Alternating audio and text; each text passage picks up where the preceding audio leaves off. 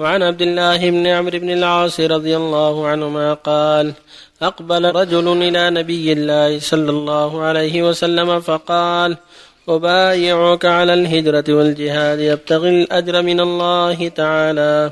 قال فهل لك من والديك أحد؟ هي. قال نعم بل كلاهما. قال فتبتغي الأجر من الله تعالى؟ قال نعم. قال فارجع إلى والديك فأحسن صحبتهما. متفق عليه. وفي رواية لهما جاء رجل فاستأذنه في الجهاد فقال أحي والداك؟ قال نعم. قال ففيهما فجاهد.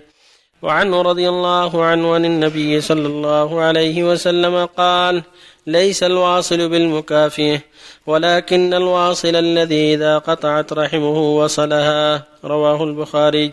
وعن عائشة رضي الله عنها قالت قال رسول الله صلى الله عليه وسلم الرحم معلقة بالعرش تقول من وصلني وصله الله ومن قطعني قطعه الله. متفق عليه. بسم الله الرحمن الرحيم. الحمد لله وصلى الله وسلم على رسول الله وعلى آله وأصحابه ومن اهتدى بهداه. أما بعد فهذه الأحاديث التي قبلها في الحث على بر الوالدين فبرهما من أهم الواجبات. ومن أفضل القربات. ولهذا يقول الله جل وعلا وقضى ربك ألا تعبدوا إلا إياه وبالوالدين إحسانا قال عز وجل واعبدوا الله ولا تشركوا به شيئا وبالوالدين إحسانا قال تعالى أن اشكر لي ولوالديك إلي المصير فبرهما والإحسان إليهما من أهم القربات ومن أعظم الواجبات هذا الرجل قال يا رسول الله يا يستأذن بالجهاد قال أحي والداك؟ قال نعم. قال ارجع إليهم فأحسن صحبتهما. في الآخر ففيهما فجاهد. فبرهما والإحسان إليها مقدم على الجهاد. ولهذا في الحديث الصحيح وصلى الله عليه وسلم لما سئل أي العمل أفضل؟ قال الصلاة على وقتها. قلت ثم أي؟ قال بر والدين قلت ثم أي؟ قال الجهاد في سبيل الله. فبر الوالدين من أهم الواجبات وذلك بالإحسان إليهما والرفق بهما والسمع والطاعة لهم في المعروف. والإنفاق عليهما عند الحاجة وإكرام صديقهما وإنفاذ وصيتهما من بعدهما كل هذا من برهما. يقول صلى الله عليه وسلم ليس الواصل بالمكافي. يعني ليس الواصل بالحقيقة والكمال بالمكافي ولكن الواصل يعني الكامل الذي إذا قطعت رحمه وصله.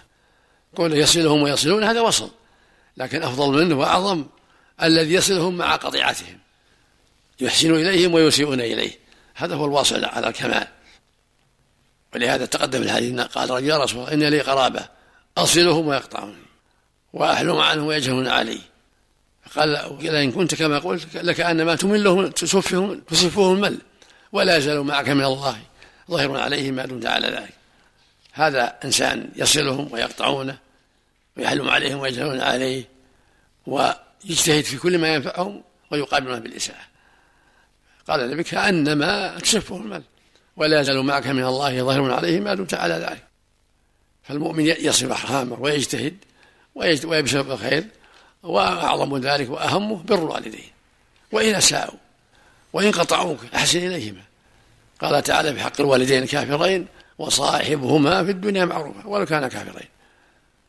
لابد من الصبر والإحسان إليهما ودعوتهما إذا كان كافرين أو عاصيين تدعوهما إلى الله بالحلم والرفق والكلام الطيب والأسلوب الحسن.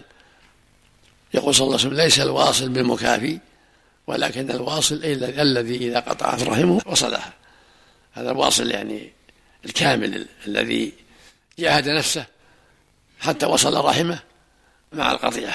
إذا أجلس تقول الرحم تقوم بالعرش وتقول من وصلني وصله الله ومن قطعني قطعه الله. تقدم قول صلى الله عليه وسلم لما خلق الله الرحم قامت فقالت هذا مقام العينك من القطيعة. قال ألا ترضين أن أصل من وصلك وأن أقطع من قطعك؟ قالت بلى. قال فذلك لك. والحديث الآخر من وصلها وصلته ومن قطعها بتته. نسأل الله العافية. وفق الله جميعا. لا حول ولا قوة إلا بالله. رجل. عملك هذه سؤال من امرأة يقول ركبت اللولب وأنتهت أيام الدورة ستة أيام ولا يزال الدم مستمر وتركت الصلاة مدة خمسة أيام. بعد أيام الأولى في خلال خمسة أيام لم تصلي. هل تعيد الصلاة خمسة أيام؟ وهل عليها إثم؟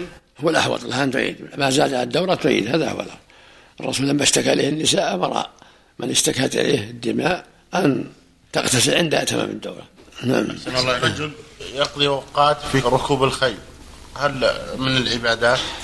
المسابقة التعلم ما في بس أو للتعلم يقول طيب. هل هي من العبادات؟ واعدوا لهم ما من قوة. ومن رباط الخيل إذا كان قصده التعلم يتمرن على الجهاد وقصد خير ما في أما إذا كان قصده فسحة ولعب هذا مباح من باب المباحات إذا كان شخص يريد الجهاد هل يستأذن والديه؟ إذا كانوا حيين؟ يستأذنهما. حتى لو كانوا في بلد ارجع فاستأذنهما فإن أذن لك وإلا فبرهما. إلا إذا كان الجهاد واجب. نعم.